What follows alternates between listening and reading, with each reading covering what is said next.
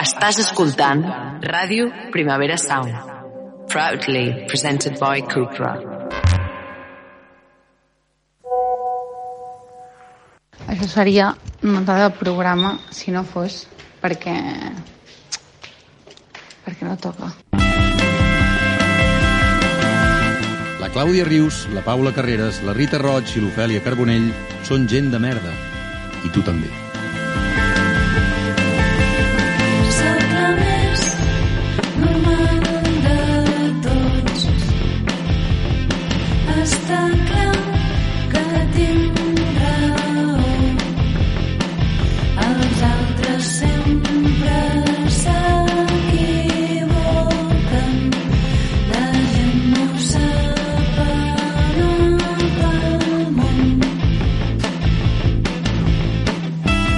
Paula, bon dia. Bon dia, Clàudia. Rita, bona tarda. Bona tarda. Ofèlia, bona nit. Bona nit. Bon dia, bona tarda, bona nit. Tant se val quan escolteu això perquè avui fem un d'aquells programes que fan molta il·lusió. Quan va venir el Guillem Gisbert vam dir que els Manel eren el grup que havia marcat la nostra joventut. Però és que abans hi va haver un grup que va marcar l'adolescència de moltes de nosaltres, un grup que va obrir terreny, que ens va fer reconèixer moltes coses políticament, un grup que cantava els països catalans com a col·lectiu, que ens agermanava amb els valencians i que feia himnes que encara a dia d'avui ens desperten alguna força molt endins quan els sentim.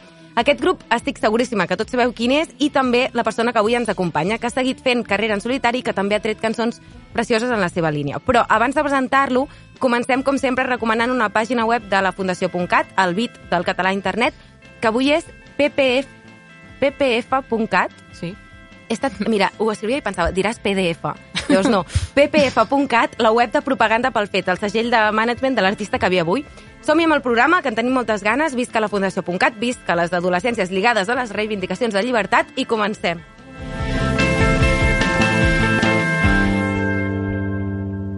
Paula, quina és l'última persona que s'ha estalquejat? Farem una cosa avui, i és que és una cosa que no hem fet mai, però et respondré aquesta pregunta posant-te una cançó, vale? Vale. No et limites a contemplar aquestes hores que ara venen.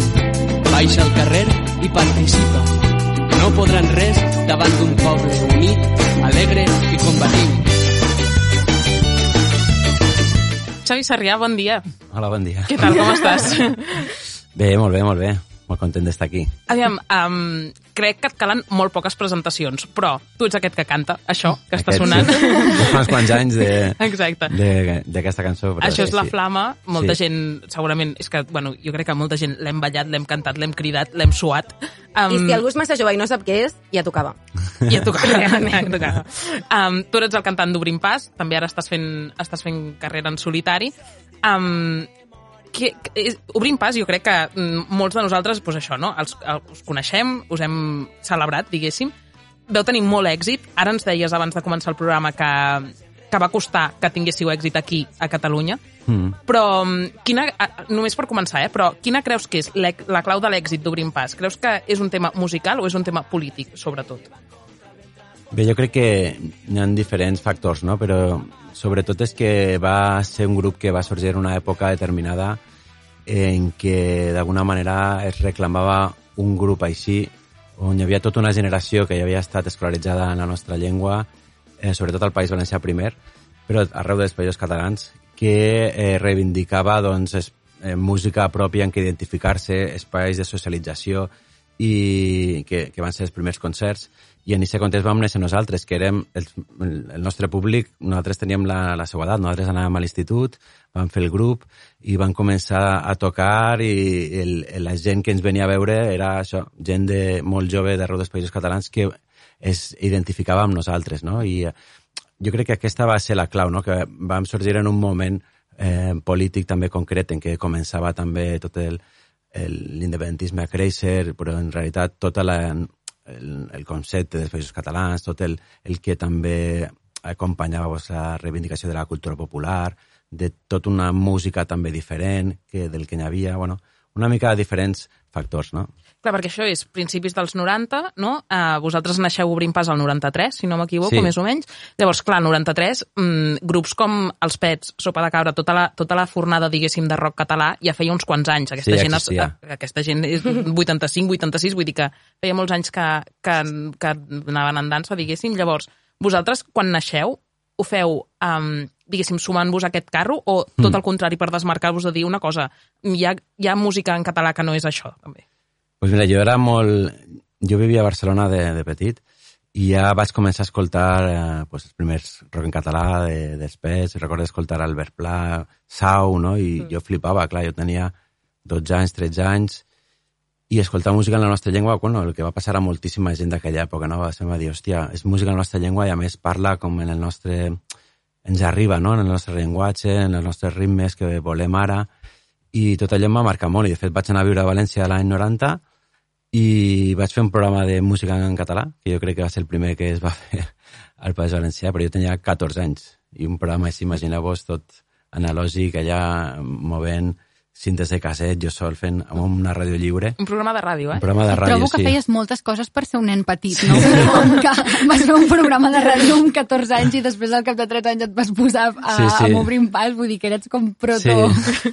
sí, bueno, la veritat és que tenia, bueno, pues això, tenia també problemes a casa i això em marcava molt a l'hora de, de crear-me un món jo eh, per a refugiar-me, no? I, i jo, doncs, inventar-me coses, idees, projectes que, que m'ajudaven a, doncs, a tirar endavant, no? I la música va ser una d'aquestes primeres vies, també la política van muntar un sindicat, el que passa és que el sindicat va acabar malament i van dir, això, això millor la música.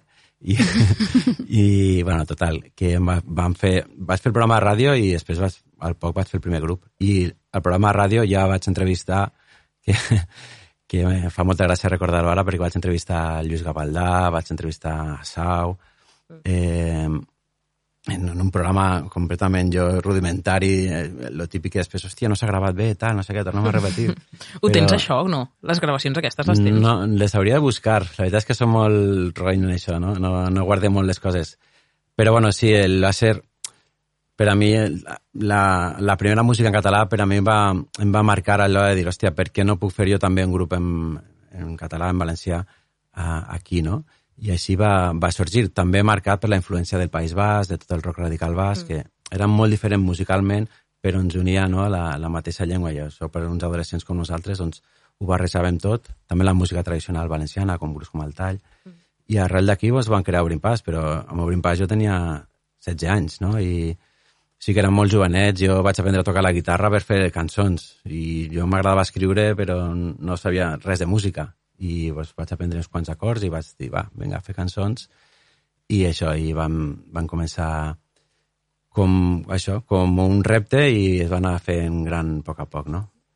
És que, clar, ara, no sé si, si a tu et passa, potser no, eh? però aquí a Catalunya eh, entomem molt el discurs de estem fatal a nivell de llengua, no? Eh, posem Mm. el, un, un crit d'alerta molt fort de dir una cosa, estem en una situació mm, d'urgència.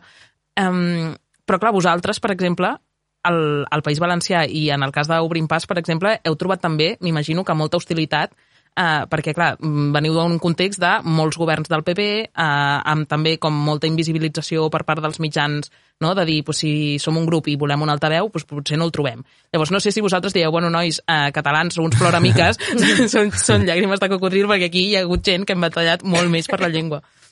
Bé, bueno, sempre, eh, sempre intentem comparar-nos amb qui està millor, no? Però en realitat la cultura catalana en general doncs, està, està fotuda, no? Vivim una minor- minorització eh, doncs, doncs, greu no? a tot arreu, tot i que vist des d'un valencià, doncs aquí s'està molt millor la situació sociolingüística, no? Però en realitat al País Valencià també s'ha avançat moltíssim, no? Eh, jo recorde quan anàvem a l'institut i vam fer el grup que nosaltres anàvem als primeres, les deien les línies en valencià, que era els primers grups que n'hi havia completament en valencià, però n'hi havia vuit grups en castellà i un en valencià, i només hi havia quatre instituts a València que, que es podia estudiar. Doncs bé, la resta de companys de l'institut que estudiaven en castellà quasi que ni, exist, ni sabien que existia el valencià. Per a ells era com, hòstia, i uh, habláis en valenciano i pensáis en valenciano. Sí, sí, hòstia, era com flipaven, no? I en canvi això avui ha canviat moltíssim, no? Nosaltres quan vam començar en molt pocs grups i avui mm, ja veieu la qualitat de la música, sobretot la quantitat de, de gent jove, no?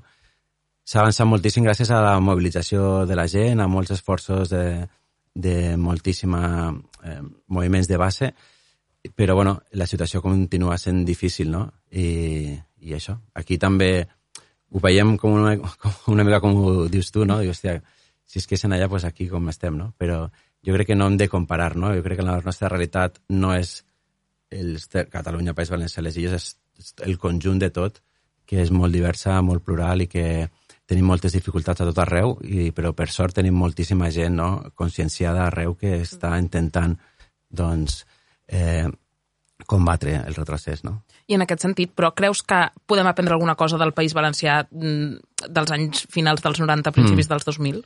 Sí, podem aprendre el, aquesta cultura de, de base, de treball en xarxa, de treball militant, voluntari, que va fer moltíssima gent. La veritat és que per a mi és em, emocionant recordar-ho. No? Jo crec que, jo ho explico també quan fem xerrades, no? que hem d'estar orgullosos d'això, no? perquè hi ha aquesta idea que els valencians no? sempre ens han dit que som, ens diuen els meninfots, no? són els que bueno, passeu de tot, només és so del xiste i de la broma i de la festa, no? I este, la realitat, en realitat, no és així, no? Eh, com dius, als anys 90-2000 va haver una lluita molt potent eh, davant dels governs del, del PP que tenien majoria absoluta a tot arreu i no només no van poder acabar amb, amb nosaltres, sinó que avui en dia hi ha més força que mai no? en defensa de la llengua i de la cultura, no? I això és el que hem d'aprendre, no? que no només les institucions poden ajudar, no? però la força està al carrer, no? el prestigi està al carrer, no? I per molt que tinguem institucions a favor, tampoc tenim les coses guanyades, no? La meva filla va a una escola que és tot en valencià, però al pati parla en castellà. I Que l'ús està al carrer. a, L'ús... a, a, això és, no? I per tant és una batalla que, que, bueno, que hem d'aprendre de, que ens correspon també a cadascú de nosaltres estar ahí. Al País Valencià s'ha fet això i s'ha aconseguit superar eh, grans obstacles, no?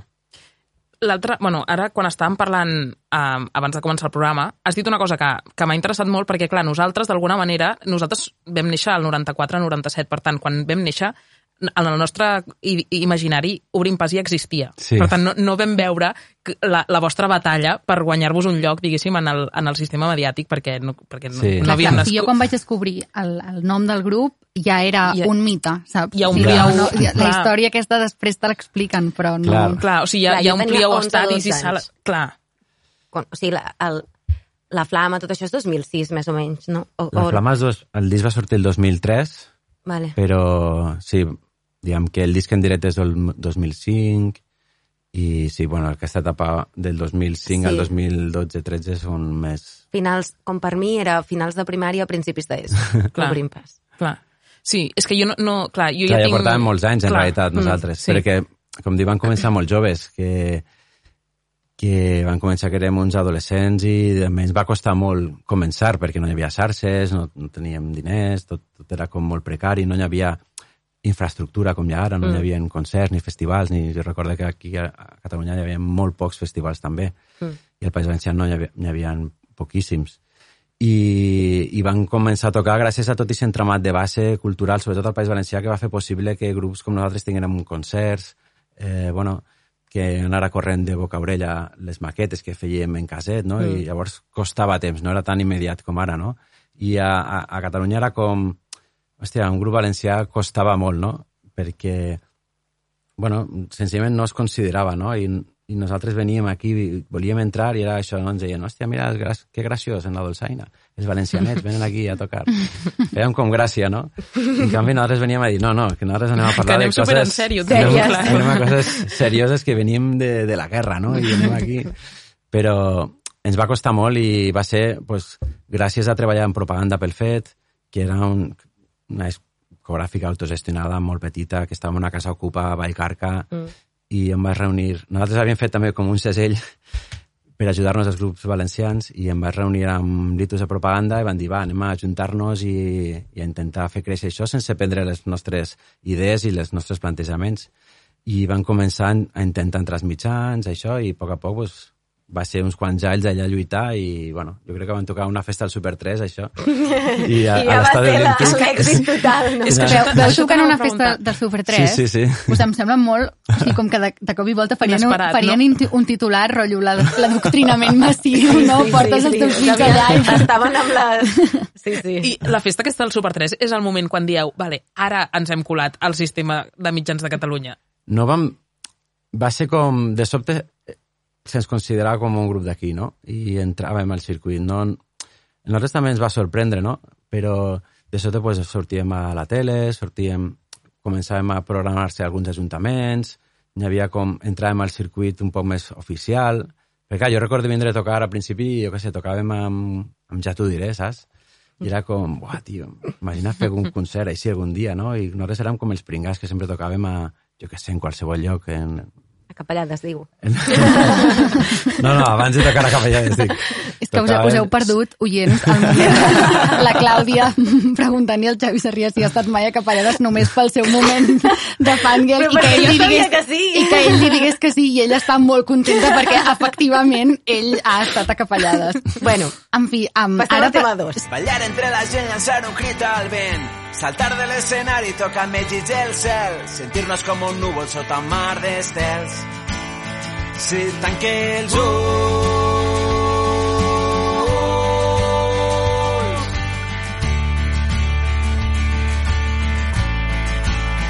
Si tanque els ulls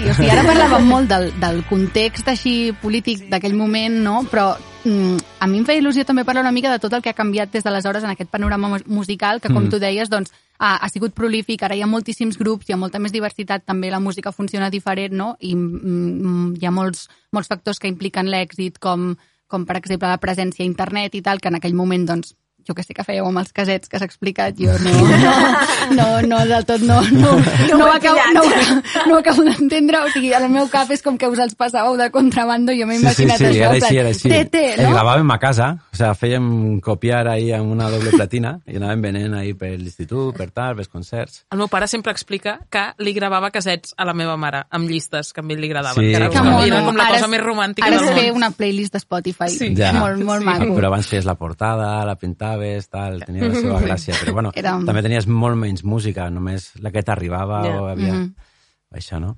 En fi, altres coses a part del tema tecnològic, um, que això ho, ho vaig parlar amb un amic meu i em va semblar molt interessant perquè ell em deia, ostres, és que una cosa que ha passat molt en, en, du- durant tots aquests anys és l'auge del, fa, del feminisme mainstream i s'ha qüestionat molt la cosa aquesta dels grups d'homes. I clar, vosaltres éreu com nou tios al dalt de l'escenari. Um, tu creus que això ara, per exemple, estaria impossible que passés o us ho hauríeu qües- qüestionat d'una altra manera? Com, com, com creus que seria ara un, un... O sigui, és que ara no ho veiem de la mateixa manera, això. Sí, no, no, això és cert, no, no, i s'ha aconseguit no, que no ho veiem així, no? Mhm. Gràcies al, al treball no, de, del feminisme, no? I, i bueno, per, per desgràcia continua passant, no? I, però, bueno, cada vegada es veu com més estrany o més tal i, i bueno, és una cosa que a la nostra època com que no es plantejava, però sí que n'hi havia dones, però no n'hi havia a- aquests pues això, no? hem de fer autocrítica de, de no veure eh, això, no? I, bueno, jo sí que el, el projecte nou hem, hem, hem tregat amb diferents dones a, a l'escenari i la veritat Mhm. és que de viatge, de tot, l'ambient, doncs, eh, a mi m'agrada molt més, no? I la veritat és que que per sort s'ha avançat a, a, amb el tema i cada vegada estem més conscienciats, però faltava aquesta consciència i faltava aquest crit que ha fet de denunciar tanta, tanta gent, no? Sí, o sigui, de fet, jo vaig estar mirant que el teu nou disc Causa, que has, has col·laborat, que abans ho parlàvem amb la Sandra Montfort, que és de Mare Mm. la Trio, i també amb altres, amb altres dones i tal, vull dir que sí que al final és una perspectiva de gènere que tothom que en aquell moment o sigui, ha, ha pogut aplicar en la seva carrera en solitari. Llavors també et volia preguntar si creus que ara la gent que té aquest tipus de grups és que més acostumen a ser com uns grups molt concrets d'ambient festiu, no de festa major. Creus que ja no tenen excusa o, o creus que...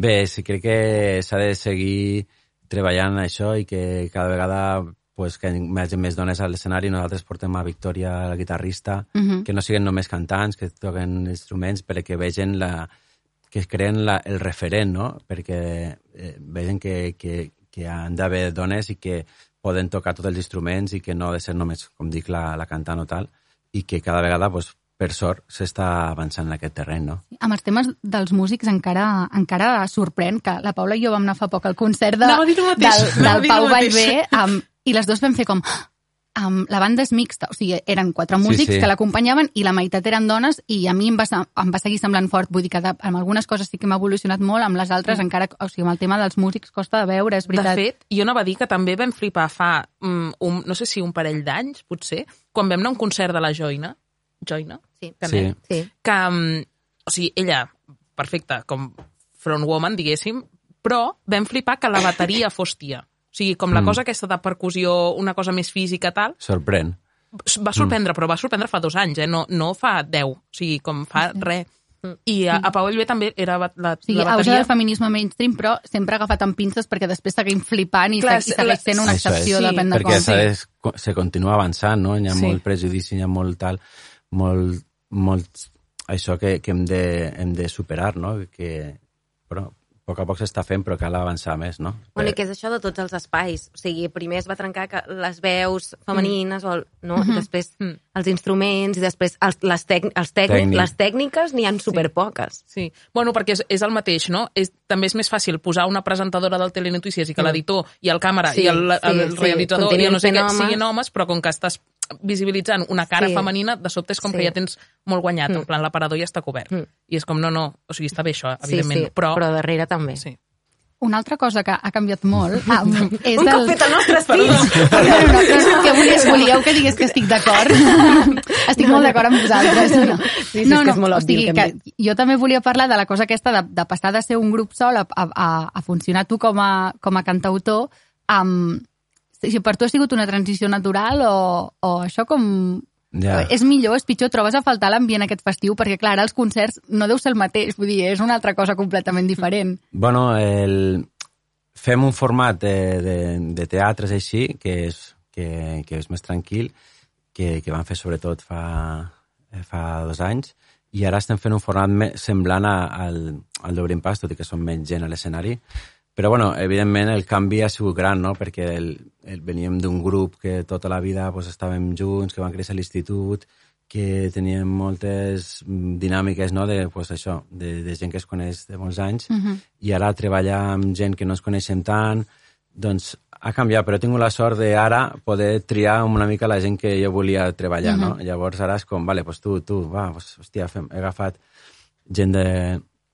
Tinc la sort, pues, per exemple, m'acompanya un amic que és un amic del barri, que, que, toca, que és teclista, i, i érem amics abans de fer el grup, i em dic, hòstia, pues, vine a tocar i tal, i bueno, d'alguna manera pues, que hem, hem triat una banda nova que, que estem super a gust i bueno, són dinàmiques diferents. Sí que, evidentment, abans Obrim Pas era com algo molt gran i, i ara potser no estan, però eh, jo per a mi és un privilegi poder seguir fent música, poder fer allò que m'apassiona des, de, des de que era petit, que és fer cançons, i, i poder fer-les en directe i que la gent les escolte, no? més enllà de, de, de, dels formats o dels, de si hi més públic o, o menys, no? Mhm.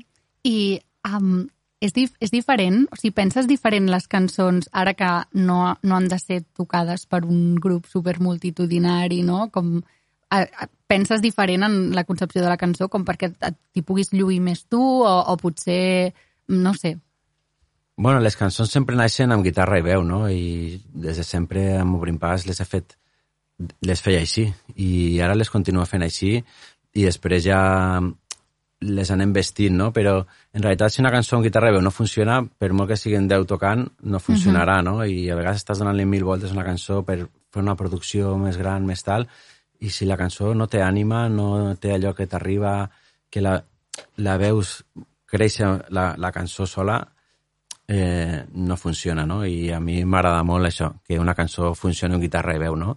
A partir d'ahir la pots vestir més gran o més, més músics, menys, tal, però, però l'important per a mi és que tingui aquesta ànima, no? Mhm.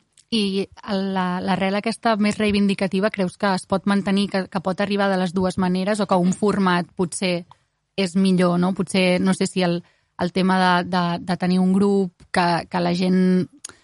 O sigui, si està molt, molt acompanyat i que hi hagi moltíssima gent de l'escenari, tu creus que fa que la gent el missatge polític potser li Mm. cali més o si tu has comprovat que... No, que és funciona, igual. funciona igual, no? Al final, el que fa la música, eh, ho fa la música, no? El, sí que és cert, pues, com a Obrim Pas, doncs, teníem aquesta marca, no? Obrim Pas, no? Que ja... Jo dic, no? Quan una cosa és molt gran, és, les coses una mica van soles, no? I sembla que el discurs igual, igual arriba més gent, però en realitat eh, la música sempre va sembrant llavors, no? I sempre va arribant a gent, encara que siguin més o menys. I per a mi, jo sempre he fet el mateix discurs, va ser, clar, no, no el mateix discurs quan tenia 13 anys que ara, però en realitat ara estic connectant més al que feia quan era adolescent, que era fer cançons més per a mi, més, parlant dels meus sentiments, encara que després semblava que parlaren d'altres coses, no? Però en jo analitzant les cançons sempre crec que parlen del- d'allò que porta dins i després agafen el context polític o jo el mateix li dono un context polític o una explicació, no? però que parlen de, de, de les pròpies ferides. No? Esperant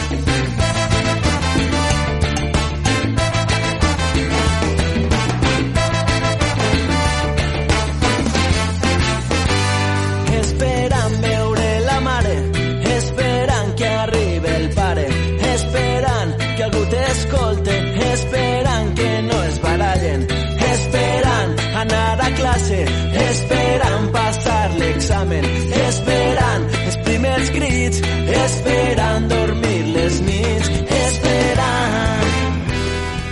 I ara volia parlar del tema de la festa, que ja ha sortit bastant en aquesta conversa, però perquè, o sigui, val, vull dir una cosa que és que tu has dit que aquí som molt fans i això, però és que segurament molts no ho saben, però darrere de tots els vestits de flors de les noies de Catalunya hi ha unes quantes samarretes d'Obrim Pas de 2006, 2007, de quan fos.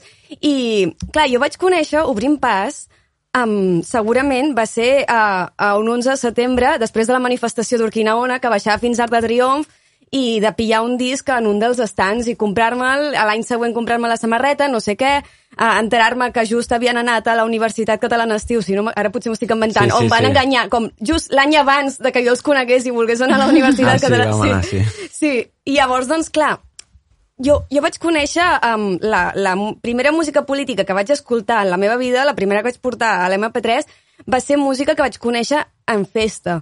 Tot i que a Catalunya jo sé que hi ha hagut eh, tot el, el moviment de la nova cançó i tot això, que Mm. també era música política, però clar, jo vaig passar de um, l'Axambusto, no sóc d'aquí, no sóc d'allà, la meta res al mar, a, a enga- posar-me enganxines de ni França ni Espanya, països catalans. I llavors jo volia preguntar, um, um, tirar cap, al, cap a aquest... És, no queda bonic dir-ho musicalment festa, però que, és que jo ho vaig viure com una festa i sí que es feia servir Sí. músiques potser de festa major o associades amb el folklore. Creus que va ser una via per fer d'altaveu del missatge polític? Creu que és més fàcil que, que el missatge entri a través de la festa? Pot ser Mm. política, la festa?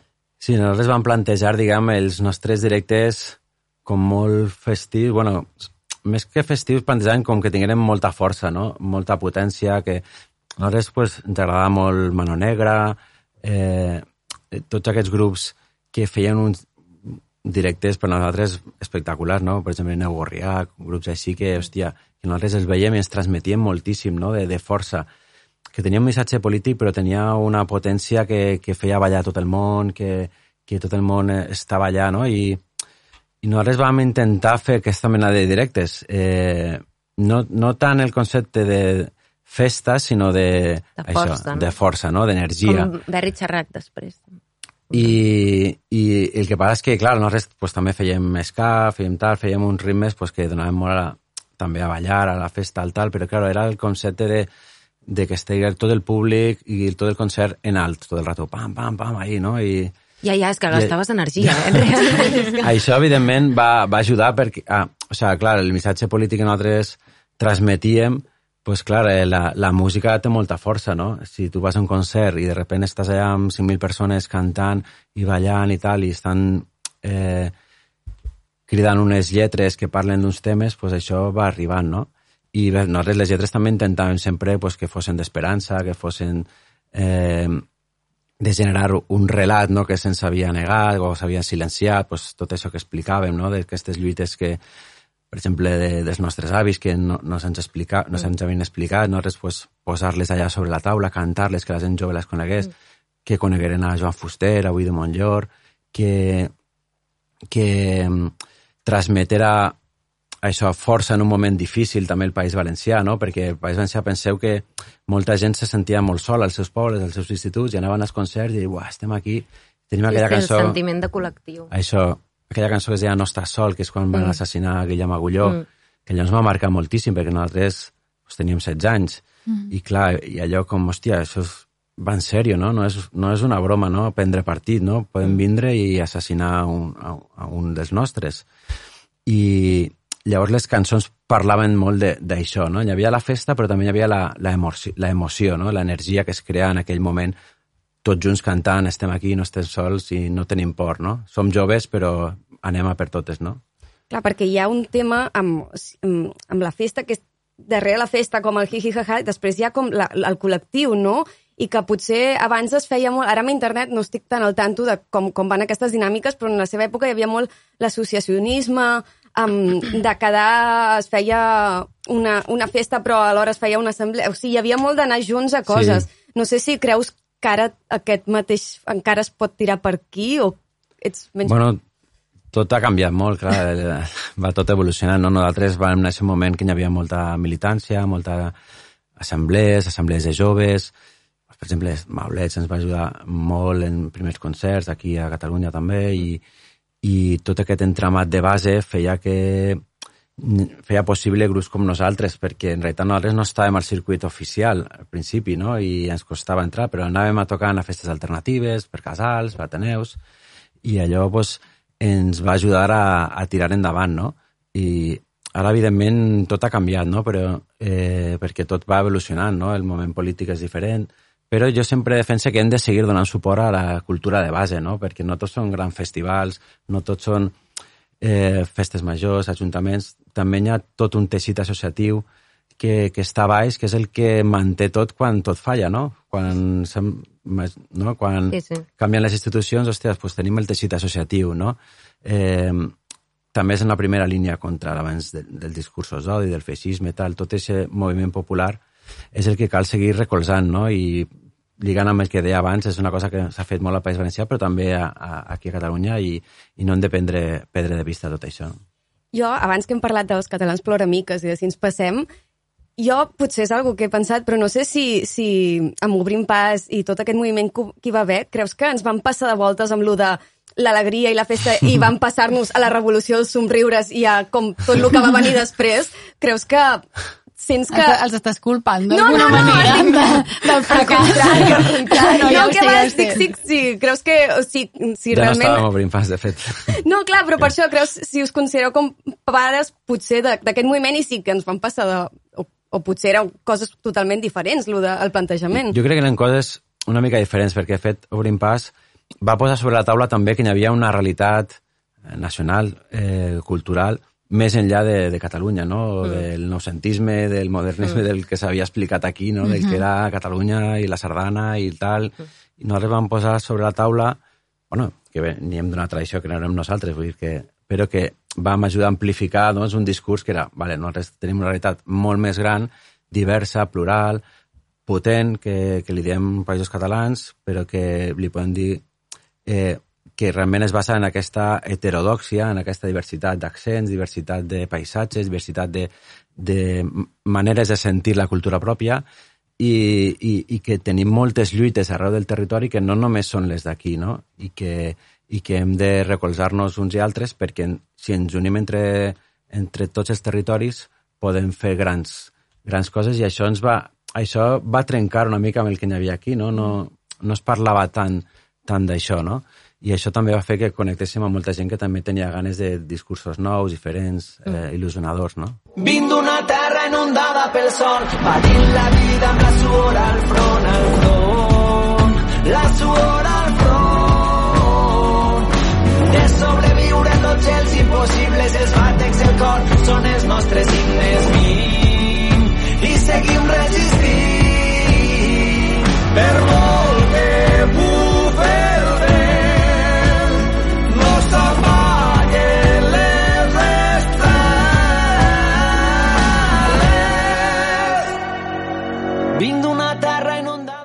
Estem supercontentes de que hagis vingut, de veritat, teníem moltes ganes de, de que vinguessis. Ho vam dir així en un principi de programa, en plan, ah, ens molaria molt que vingués el Xavi Sarrià, i llavors de sobte, Bueno, internet ho ha fet possible. internet ho ha fet possible. Jo crec que ho hem manifestat. Sí, Hem, manifestem. Una No, manifesta. gràcies a la gent de propaganda pel fet que Sí. ho ha fet tot superfàcil en aquest Sí. sentit. Vull dir que Sí. aquestes coses s'agraeixen. Moltes gràcies i Moltes gràcies et a vosaltres. continuarem seguint. I si veus mai a tots els obrim pas, digues que t'estimem molt. Moltes gràcies.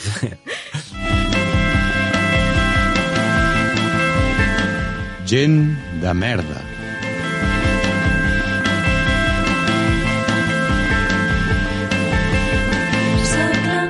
Aquestes que sonen són la Rombo. Nosaltres som la Paula Carreras, la Rita Roig, l'Ofèlia Carbonell i la Clàudia Rius i som gent de merda gràcies a la inestimable ajuda del David Camilleri, l'Andrei Ignat, l'Albert Alves i el Nacho Medina, que fan que tot soni i es vegi bé.